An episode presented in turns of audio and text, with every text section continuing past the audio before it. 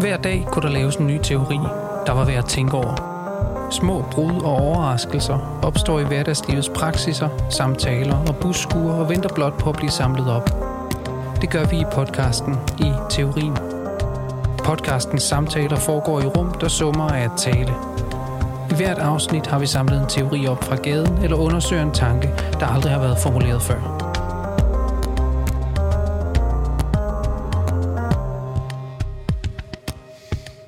Have kaffe? Nej, du har kaffe. Nej, jeg tror, jeg venter Ja. til frokost. Høj på teori. Okay. Øhm, vi har sat os på en café i udkanten af Aarhus.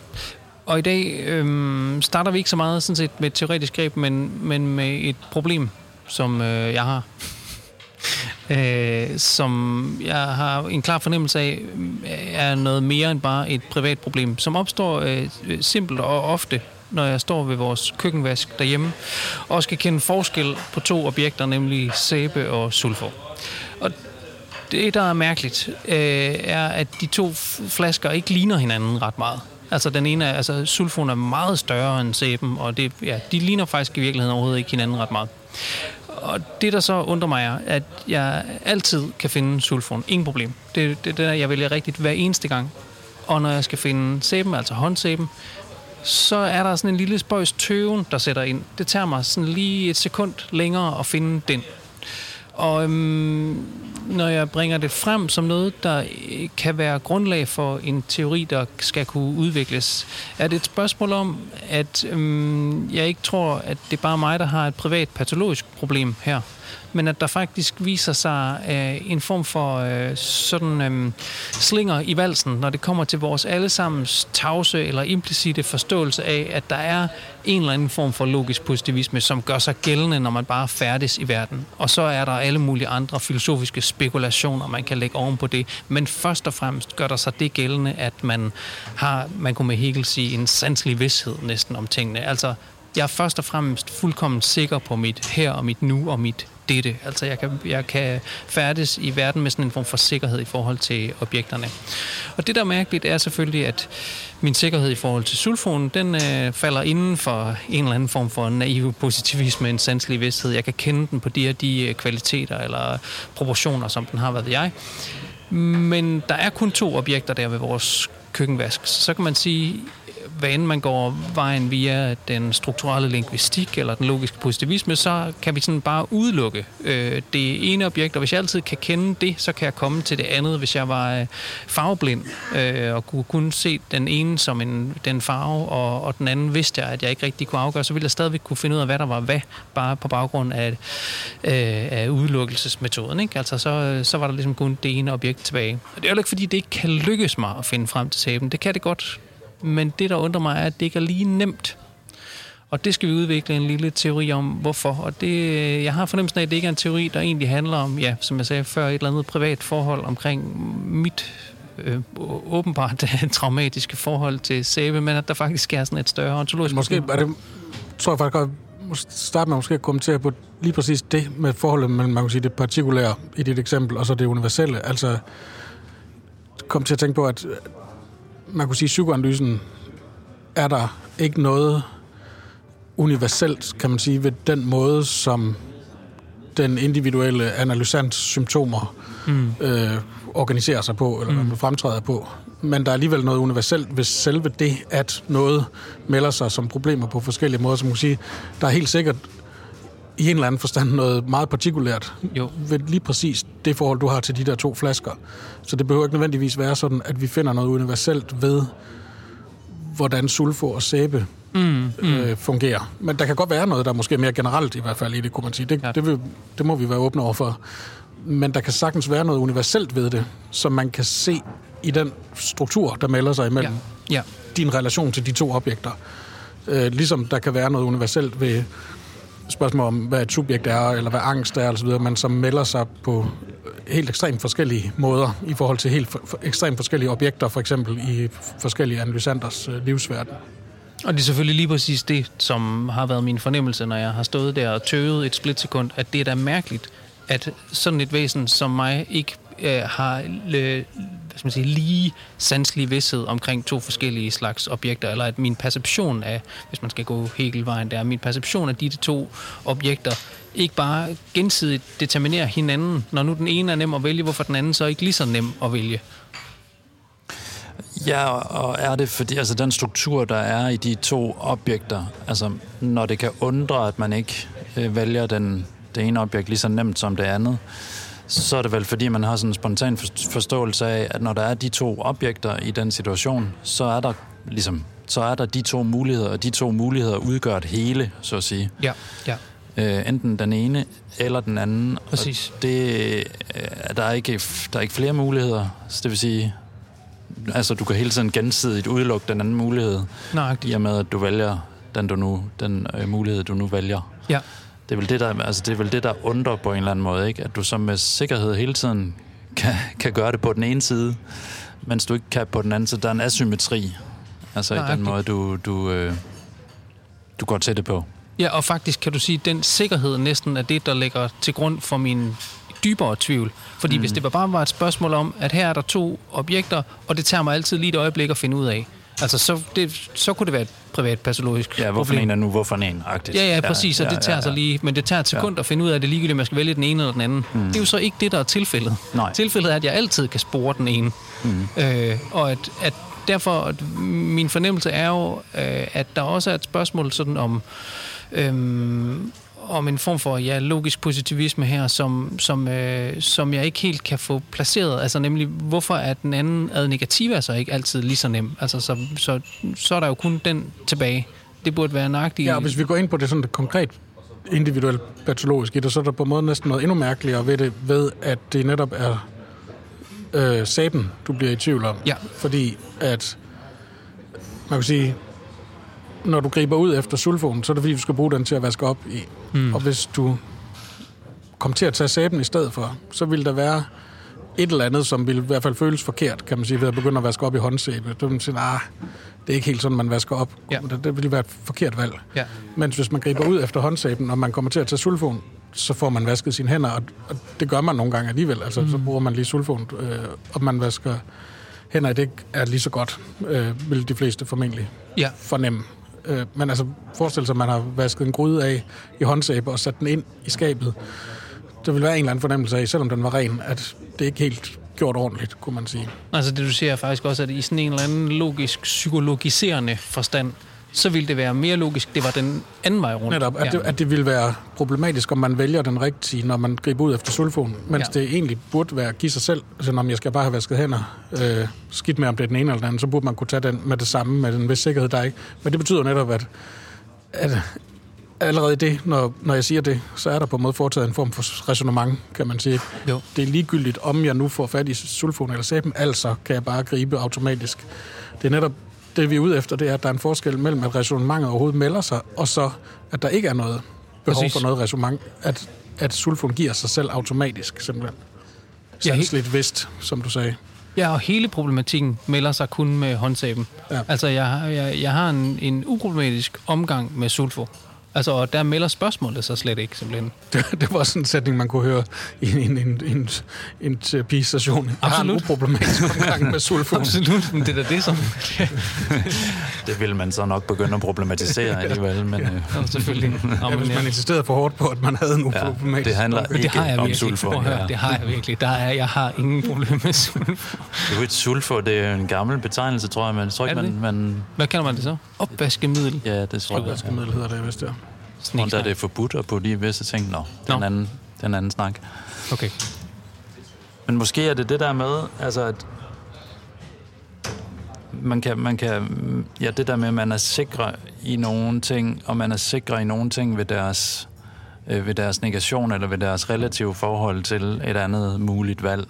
Ja. Men måske er det den struktur, vi skal gå lidt nærmere ind på. Måske findes der andre eksempler, som trods alt lige kan bringe det ud af den Nå, men du sagde det der med, du må meget godt tage fat i det med sanselig vidsthed, ikke? På måde. Det, det, som kendetegner det, som ikke engang er et valg mm. af sulfon, det er opvaskemidler, det er, det er uproblematisk. Det giver sig selv øjeblikkeligt, automatisk, mm. sanseligt, Ja, sikkert. ja, lad os prøve At at... her er det. Ja. Ja. Og det, der sker i, i øh, efterspørgselen efter håndsæben, det er, at der opstår i det hele taget en form for refleksion, kunne man sige, ikke? eller en tvivl om, ja. hvad er egentlig det rigtige. Ja. Men kunne man ikke... Ja, undskyld. Nej. Nå, nej, men det er altså, fordi så... Altså, vi talte om et, et eksempel øh, lige inden vi gik i gang her, som måske kunne, som måske kan bringe os videre. Altså et eksempel, som ja, trækker det op på et helt andet, øh, mere generelt niveau, men altså eksemplet med øh, sådan noget som danskhed, for eksempel.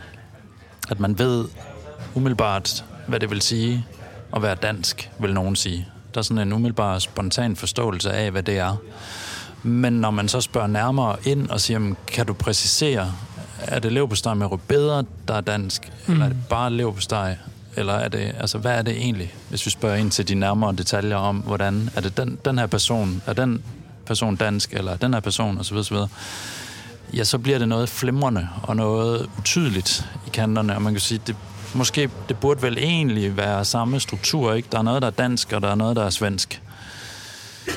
Men, men er det så simpelt, eller fungerer det sådan, at man bare umiddelbart spontant kan identificere sig i verden ved hjælp af simple markører? Nej, men måske er det netop det, at man i det hele taget skal identificere sig, er allerede det, der bliver problematisk, ja. kunne man sige. Fordi ligesom i omgangen med opvaskemidlet, at der ikke engang melder sig et spørgsmål om, om noget af det ene eller det andet, så melder der sig, i, der, der kunne sammenligning godt holde, tror jeg, altså i, sammenligning, øh, i, i forståelsen af ens egen øh, kulturelle identitet. Ikke noget spørgsmål om den identitet, før vi allerede har problematiseret selve identiteten, altså hvor den ikke længere er... Øh, altså snart man skal begynde at forklare den, eller sætte ord på den, så er den per definition allerede øh, mindre sikker. Mm. Ligesom når nogen siger, når, hvis man taler enormt meget om etik og moral i dag, så er det et tegn på, at der er noget galt med den måde, vores etik og moral fungerer på. Altså, mm. når man begynder at tale om noget, så skaber man et problem, eller så er det, fordi der er et problem. Og hvis man begynder at tale om, hvad det, det, det vil... Øh, det er noget, for eksempel Dansk Folkeparti har været ret eksplicit omkring, i hvert fald en del af de markerende, eller sådan markante personligheder i det parti, siden det blev stiftet i 95, altså at, at øh, vi ved godt alle sammen, hvad det vil sige at være danske, men så snart man begynder at sætte ord på det, så, så er det som om, at det truer med at sådan lidt forsvinde mellem fingrene på os. Øh, jeg, Pia Kjærsgaard har selv både skrevet og sagt, altså at, at øh, man kan ikke sætte ord på, hvad det er, men vi ved det alle sammen godt. Og mm. det minder på en måde lidt om, om opvaskemiddel. Ikke? Altså, vi ved godt, hvad det er, når vi skal bruge det, men hvis vi begynder at skulle forklare det, eller, eller reflektere over det, eller øh, retfærdiggøre, hvorfor vi gør det, vi gør, så, kan det lige, så begynder det at blive mere tvivlsomt. Der har du på en måde faktisk også asymmetrien igen, ikke? fordi typisk er distinktionen der en determinerende negativitet, altså det er forholdet mellem danskhed og det og det udanske, eller udanskhed, eller sådan noget i den retning. Ikke? Altså, at det kan man også næsten altid sådan, det der, det, var, det er meget udansk at gøre sådan. Øh, og, og det, det, er lige så, det er lige så øh, skal man sige, skrøbelig eller slingrende definition, fordi hvorfor det så lige præcis skulle være det, er måske stadigvæk enormt utydeligt. Men om det er det, der så gør det svensk, som Brian sagde før, øh, eller noget andet, det, øh, det er en lille smule mere sløret på en måde. Det er bare dansk eller udansk. Men hvis vi skal overføre det på, på, på sæbe-eksemplet, så, øh, så er der stadigvæk en, en underlig asymmetri bygget ind i det. Fordi øh, så burde jeg jo stadigvæk bare kunne afgøre, om det er øh, sulfur, nu holder jeg fast i det ord, øh, sulfur eller ikke sulfur, ikke? Og så er der kun det der, hvor man kan sige, hvis man var logisk positivist, eller hvis man bare sådan, altså, jeg skulle gå via øh, sådan strukturalismen på en måde, så har vi øh, forskellige objekter, som, som determinerer sig fra hinanden ved ikke at være hinanden på en måde. Altså man har de andres negativitet indskrevet i objektet, og derfor kan jeg til sidst afgøre, at det er sæben, fordi det ikke er sulforen. Altså, så det er en ikke-sulfor. Men jeg har bare kun ja. de to muligheder. Så det mærkelige er, at der ikke er et, et øh, lige determineret forhold i dem, så at sige. Men er det ikke fordi, at det lige præcis viser sig der? Altså jeg tror, at, at hvad kan man sige, rækkefølgen af eksemplerne er en udvikling af logikken i det. Altså at man kan sige, der er forskel på sulfo og sæbe, der er forskel på dansk og svensk. Men i virkeligheden er det, vi skal frem til, er forskellen mellem dansk og udansk, lige mm. præcis. Altså fordi ting er det, de er. De har en identitet ved at stå i, i modsætning til, eller i relation til deres negationer, så at sige, ikke? Men så, så er det bare problemet, hvor skal vi placere den negation hvor lige præcis skiller det mellem det danske og det udanske. Og det er det, der på en måde slører. Så man kan sige, måske er det det, du møder også i, i tilfældet med Saber og Sulfo. Altså på en, måde, på en måde det, at tingenes identitet jo fint nok kan, ligesom kan, kan hvis der stod en sulfo og en øh, potteplante, mm. eller et eller andet, ikke? Så, så ville det måske give mere mening, fordi de to ting har fylde, og på den måde er forskellige fra hinanden. Mm. Men, men det er selve negativiteten på en eller anden måde. Det, det er selve den, der melder sig i, i dit valg, af, eller når du skal bruge sæben. Og det er det, der bliver problematisk. Ligesom at det er selve negativiteten, vi møder, når vi begynder at spørge ind til, hvordan forholder det sig egentlig med det, der er dansk, og det, der ikke er dansk eller udansk. Hvor er det egentlig, hvis, hvis vi skal sætte fingeren ned på det, at den skælden præcist er, og hvordan udtømmer det øh, ja, både identiteten og dens modsætning, så at sige. Og det gør den ikke jo, altså det er jo det, der er problemet.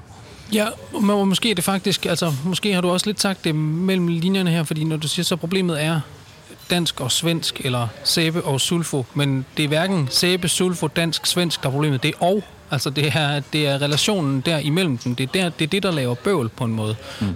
jeg kan på en måde opnå en form for for øh, sådan direkte vidshed sådan i, i øh, en eller anden altså, kunstigt isoleret forstand i relationen mellem subjekt og objekt. Altså bare mit forhold til sæben. Er det en håndsæbe, ja eller nej? Og det kan jeg så til sidst afgøre. Men problemet er selvfølgelig, når man bringer den relationalitet ind, at der bliver muligheden for overhovedet at vælge forkert. Og det mærkelige er så, at den mulighed er mere til stede i det ene objekt, end den er i det andet objekt. Ja, det er det, der er nødvendigt at sige noget mere om, fordi jeg tænker også, at positivismen for eksempel vil jo godt kunne acceptere, at der er øh, forskellige objekter, der står i relation til hinanden, og som mm. negativt bestemmer hinandens mm. identitet. Og vi har, men så længe vi kan sige, har en mulig positiv viden om, om dem hver for sig, øh,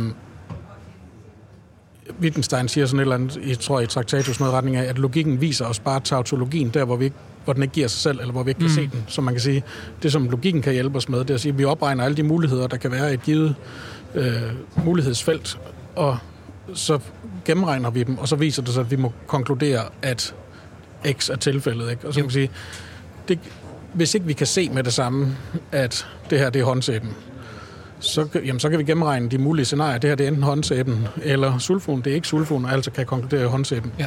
Men så det kan positivismen sagtens forstå og redegøre for. Men det, som man ikke kan redegøre for, det er, hvorfor tvivlen opstår i det ene objekt og ikke i det andet objekt. Præcis. Så, så spørgsmålet er, hvad er det, der gør, at den ene situation kalder på en tvivl? Og igen, som sagt, kontraintuitivt kalder på en tvivl hos det objekt, der egentlig burde være mest uproblematisk. Ja. Men Måske er det bare noget, vi må registrere, at sådan, at sådan er det. Altså man kan sige, det kan man give en logisk grund til. Nej, netop ikke en logisk. Nej. Men man kan give en... Kan man give en psy- psykologisk eller psykoanalytisk? Det kan man så måske godt. Men hvis vi taler sådan rent... Øh, ja, hvis vi taler rent ontologisk, altså at der skulle være en forklaring på, hvorfor altså en, en, en metafysisk, kan man måske sige, eller en, mm. en ontologi, der gerne vil bestemme verden, som den nu skal bestemmes, og med de relationer, der er til stede mellem ting og så videre. Kan man så give en grund til det? Jo, ja, ja det kan, kan man, man måske. Ikke? Altså, fordi, igen, hvis vi går tilbage til det med den sanselige vidsthed hos Hegel, ikke, så kan man sige, at den sanselige vidsthed handler om, at der er noget, der præsenterer sig umiddelbart som noget, der giver sig selv. Helt problemfrit. For bevidstheden, ja. som det ja. hedder. Ikke? Og det, der er problemet med den sanselige vidsthed, det er, at den i virkeligheden forudsætter en masse ting, som så snart den begynder at redegøre for eller reflektere over dem, ja. øhm, viser sig, at øh, måtte udfoldes, og endda tvinge den til at opgive sin forståelse af, at det her uden videre giver sig selv, men at det faktisk må forstås på en helt anden måde. Og som siger, hvad er det så, der udløser den refleksion, øh, som sætter spørgsmålstegn ved den sanselige vidsthed? Det, det må være et eller andet, der på en eller anden måde fremviser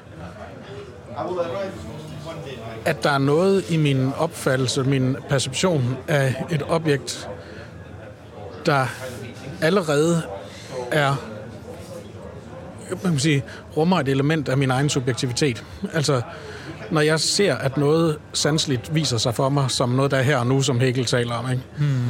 så er det så snart, jeg begynder at, at artikulere, igen som vi snakker om det der med, så snart vi begynder at sætte ord på, kunne man sige, ikke? Altså, så snart jeg begynder at artikulere det som noget, der er her og nu, så viser det sig, at det overhovedet at forstå noget som her nu er afhængigt af for eksempel en, en sprogligt artikuleret måde at opfatte verden på. Ja. Og så viser den må jeg så undersøge, før jeg kan sige mere om, hvad det vil sige, at noget i det hele taget er, sådan som det fremtræder for mig. Så der er et eller andet, der så må udløse, kan man sige, den der refleksion over, at min egen, nu siger det, mine egne forudsætninger på en måde er indskrevet i den måde, som objekt, objektet fremtræder for mig. Og det er der åbenbart ikke noget, der gør i sulfon, eller i, i opvaskemiddel øh, af den her disjunktion. Altså at i opvaskemiddels tilfældet, der er der ikke noget, der provokerer refleksionen over din egen subjektive mm. investering, kunne man sige, i de her objekter. Men det er der i håndsæben. Og hvorfor er det så, at håndsæben provokerer dig til at tænke over, hvordan du selv relaterer til objekterne. Og så kan man sige, okay, men det, det kan jeg tale med min psykoanalytiker om, hvorfor det så lige præcis er sådan, og det er sådan set sagen uvedkommende, men det du ser er jo også, at det er den tvivl, der melder sig i håndsæben, der overhovedet åbner min verden, og egentlig giver mig lejlighed til at se, at min vidshed om sulfon faktisk baserer sig på et skrøbeligt grundlag, ja, og at det egentlig kan åbne en langt mere øh, sand udgave af, altså i, hos Hegel vil det jo også være, at, øh, hvad skal man sige, at splittelsen i objektet viser splittelsen i mig selv, og omvendt, ikke? Altså, at det kun er fordi, jeg selv er et splittet subjekt, at jeg kan se, hvorledes det ikke bare øh, positivt, singulært gør sig gældende, at jeg kan determinere samtlige objekter i verden, ikke? Jo, men igen, hvis vi alligevel dvæler lidt ved forskellen på de to konkrete fænomener, så kunne man måske sige, at øh, det tror jeg også, vi talte lidt om inden, altså at øh, noget i retning af i hvert fald, at, at øh, på en måde sulfon er uproblematisk i den forstand, at, at sulfon handler ikke om min egen øh, subjektivitet. Det handler om, at der skal vaskes op. Mm. Det handler om, at der er nogle gryder, der er beskidte, og det rigtige at bruge, når gryder er beskidte, det er, at man stopper noget sulfur på og bruger en opvaskbørste og sætter dem ind igen. Og det er på en måde sådan en måde, verden nu engang kører. Altså det er sådan, verden er. Sådan man gør, som Heidegger vil sige. Ikke? Altså, mens så snart øh, en måde i hvert fald at artikulere en form for åbning på, det vil være at sige, at håndsæben på en måde repræsenterer noget andet. Det repræsenterer et spørgsmål om, hvem jeg er, siden jeg skal have vasket hænder. Ja. Altså, hvorfor er det, jeg skal have vasket mine hænder nu? Er det fordi, at jeg, jeg, jeg, det er ikke bare, jeg skal ikke bare have skrubbet mine hænder af med en opvaskebørste og så sat dem ind i skabet. Altså, jeg skal mm. have mine hænder med videre. Og fordi jeg skal gøre et eller andet med mine hænder, eller jeg skal lave mad til nogen, eller jeg skal pusse næse på nogen, eller hvad jeg nu skal. Ikke? Jamen, det du prøver at beskrive, der er jo, hvorfor symptomet opstår der. Ja. Og det var det, jeg tror, jeg prøvede at, at sige lidt tilbage, at på en måde, at det er jo ikke en... Altså, det er i hvert fald en forklaring, der skaber råd i normale ontologiske beskrivelser af, hvordan verden burde fungere. Fordi man kan sige, du er også, vi, vi talte jo også, også om lidt tidligere, at der, hvor der burde blive rod, det var jo egentlig ved, ved sulfon. Ja. Altså, fordi det er egentlig der, der altså sådan, hvis man har en opfattelse af, at ontologi skal beskrive en brugende omgang med ting, mm. øh, hvor, hvor nogle ting så kan gå galt, fordi det er upassende, næsten en kategorifejl at vaske op i håndsæbe. Ikke? Det, mm. det duer simpelthen ikke. Så der burde man sige, det var der, tvivlen ja. burde opstå. Det gør den så ikke. Den opstår et helt andet sted, uventet. Ja. Et uventet det stadig på en måde der, hvor, hvor det ikke skulle kunne lade sig gøre. Ja. Og, det er en, og det vil, men det vil være en måde at sige på med symptomet, at jamen, symptomet opstår egentlig ikke nødvendigvis der, hvor man kunne forvente det. Ikke der, hvor det er rationelt, kan man sige. Der, hvor det er rationelt, ja. Altså, Jacques Alain Miller siger et sted, at i psykoanalysen, der siger man aldrig, der er det sådan, der hvor andre vil sige, det er ikke det, eller der, der, der er noget, mm. det, det, det, det er bare et særtilfælde. Det skal vi lige til siden, og kigger, mm. kigger vi på, hvordan det normalt fungerer. Men Miller siger, det er lige præcis der, vi skal gå hen. Det er der, Men... symptomet viser sig. Det er der, hvor vi har fat i noget, som er øh, underligt eller irrationelt, eller, men som alligevel på en måde har en, en, en symptomal eller psykoanalytisk... Øh, ikke forklaring, men, men det kan på en eller anden måde behandles som et spørgsmål om det har splittet i subjektet. Ja, og det fine ved det, du siger nu, Brian, er det ikke også, at at det betyder også, at symptomet faktisk får en lidt anden status, nemlig ikke bare som det, der står i vejen for havde jeg nu ikke haft mit symptom, så, så kunne jeg gå ud og bedrive sand videnskab om verden. Men i virkeligheden kan man sige, nej, havde jeg ikke haft mit symptom, så var jeg forblevet i en eller anden præcis. form for illusion om sanselig vidshed. Symptomet eller åbner verden i den forstand. Lige præcis. Det, det er den blindhed, der gør, at vi kan næsten kan se overhovedet, eller kan tænke i hvert fald. Præcis. Ja, så uden håndsæben, så havde jeg aldrig forstået sulfonen simpelthen. Nej. Nej, og verden er ikke...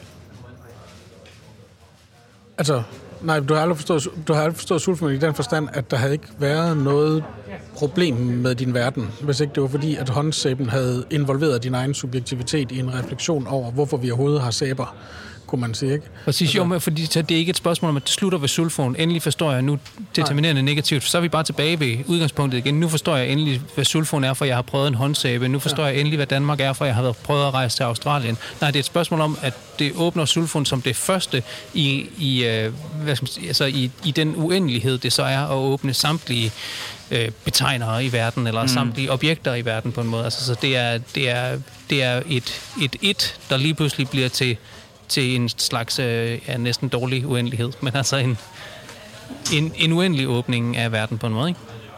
Det er sgu et kringlet eksempel, Anders, men jeg, jeg begynder at, simpelthen at, at se et eller andet i det. Altså det der med, at, at øh, der er noget, der, der burde være en lukket helhed af muligheder i en bestemt situation, og så ja. viser det sig bare, at der opstår noget i den ene af de valgmuligheder, og det er det symptom, der overhovedet gør det muligt, at vi kan arbejde med øh, verden måske, eller med os selv jo øh, helt oplagt med tænkning, med, med, altså det er det, der åbner verden i en vis forstand. Og kan man ikke der, altså sådan kun en lille smule forseret sige, men det der er præcis det kønnede spørgsmål. Altså mm. vi, vi, vi, vi fødes ind i verden som en krop, og det kører og sådan noget, og så er det, at der lige pludselig melder sig den, den der, der skal bare lige, der, der burde kun være de to simple muligheder, øh, og, og det, det burde jo bare sådan være et simpelt, ja, determinerende spørgsmål, eller et negativt spørgsmål, så kan jeg finde ud af, hvad jeg ikke er, så må jeg være det andet. Mm. Men, men, men der er et lille og der. Altså, øh, og, og den... Øh, mm, den kobling, altså øh, selve seksueringen, selve det kønnede spørgsmål, den, den åbner ikke bare spørgsmålet om et om et øh, enten eller, eller om et øh, mm. et eller to, eller A eller B, men om hele verden som sådan. Altså, den, den bringer symptomet med sig. Mm. Og den, det symptomale valg kan aldrig træffes ordentligt igennem. Altså. Og det er jo derfor, at det er jo ikke bare et spørgsmål, at første gang var jeg lige lidt i tvivl om, hvordan jeg kom hen til. Det, der undrer mig, er, at jeg nærmest hver eneste gang mm. er lidt for længe om at vælge håndsæben. Ikke? Hver jo. eneste gang er jeg lidt for længe om at finde ud af, at jeg er en mand. Mm. Ja, man kunne sige, der, der, og apropos det med danskheden, kunne man også sammenligne igen måske, altså at så længe det, der ikke er et spørgsmål om, hvilket køn jeg er, eller at jeg er et køn, mm. så fungerer det sådan nogenlunde. Men der er et eller andet i verden, der tilstøder mig, eller gør mig opmærksom på, at det ikke er uproblematisk, kan man sige, at være den, som jeg er. Mm. Og, og det er på en måde, kønnet er et navn på, at øh, den anden er altid det andet køn, siger Lacan på et tidspunkt. Altså, mm. Altså, at den anden er på en måde, man kan også sige, at det, at der er køn, det er, det er et udtryk, uanset hvor mange køn man opererer med, kan man sige, så, så er selve kønnetheden et udtryk for, at der er noget andet end den måde, som jeg selv Præcis. uproblematisk er på. Præcis. Hvilket problematiserer selve min måde at være til på. Ja. Så, så kønnet er et spørgsmål, i det han forstand mere end det er et svar. Det er, det er et spørgsmål, der begynder at sige, den som du tror, du er, er ikke nødvendigvis det endelige. Givet i sig selv. Nej, ja. nej, nej, det er ikke engang givet i sig selv, og, og, og det er ikke det, at du umiddelbart tror, mm. at du ved, hvad det er. Det er ikke alt, hvad der er at sige om den sag, eller det er, det er kun det, det er en begyndelse. Det er ikke en, en afslutning. Mm. Jeg, jeg kan næsten ikke lade være med at nævne, så, altså, jeg, jeg sad og læste inde på sådan helt inden for den analytiske filosofi, sådan helt distinkt, øh, tradition nærmest for det, man kalder disjunktivisme, som netop handler om, at enten ved man noget, eller også ved man det ikke. Enten fremtræder noget som noget, øh, som viser sig sådan, som det er i min perception, eller også ser det ud for mig som om, at det er sådan der, men det er det ikke i virkeligheden. Og det den slags overvejelse kunne man lægge ned over. Sådan et eksempel, enten fremtræder noget som sulfo, som er sulfo, når jeg ser det som sulfo, eller også fremtræder det som sulfo, men måske er det i virkeligheden sæbe, eller jeg bliver i tvivl om, om det i virkeligheden fremtræder som sæbe, og, og, og så melder hele den der problematik sig. Men jeg tror ikke, det, det passer ikke netop måske fordi det er den tradition, så passer det måske ikke så godt til at forklare nogle af de spørgsmål her omkring, hvordan vores eget blik er indskrevet i objektet, eller hvordan begæret er spil, eller selve subjektiviteten melder sig som problem og sådan noget.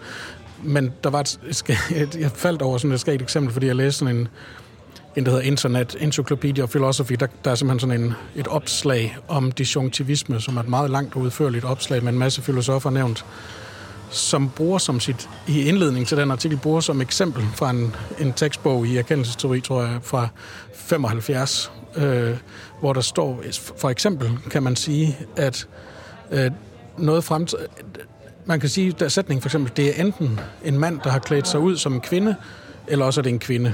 Eller man kan sige, det er enten en kvinde, eller også er det en mand, der har klædt sig ud som en kvinde. Det er det, man kan sige, når man ser en person, der fremtræder for en som en, der formentlig er en kvinde, eller fremtræder som en kvinde, men måske er der et eller andet hvis, ved vedkommende, der gør, at man kommer lidt i tvivl. Man, man kan i hvert fald sige, enten er det en kvinde, eller også er det en mand, der har klædt sig ud som kvinde. Ikke? Og det, når man læser det i dag, bare som relativt få år efter, ikke, så virker det sådan helt næsten komisk, at, mm. at en filosof har kunnet antage det som fuldstændig uproblematisk, kun opererer med de to muligheder. Mm. At enten er der virkelig tale om en mand, der har klædt sig ud som kvinde, eller også er der virkelig tale om en kvinde, og der er ikke noget, der problematiserer nogen af de to muligheder.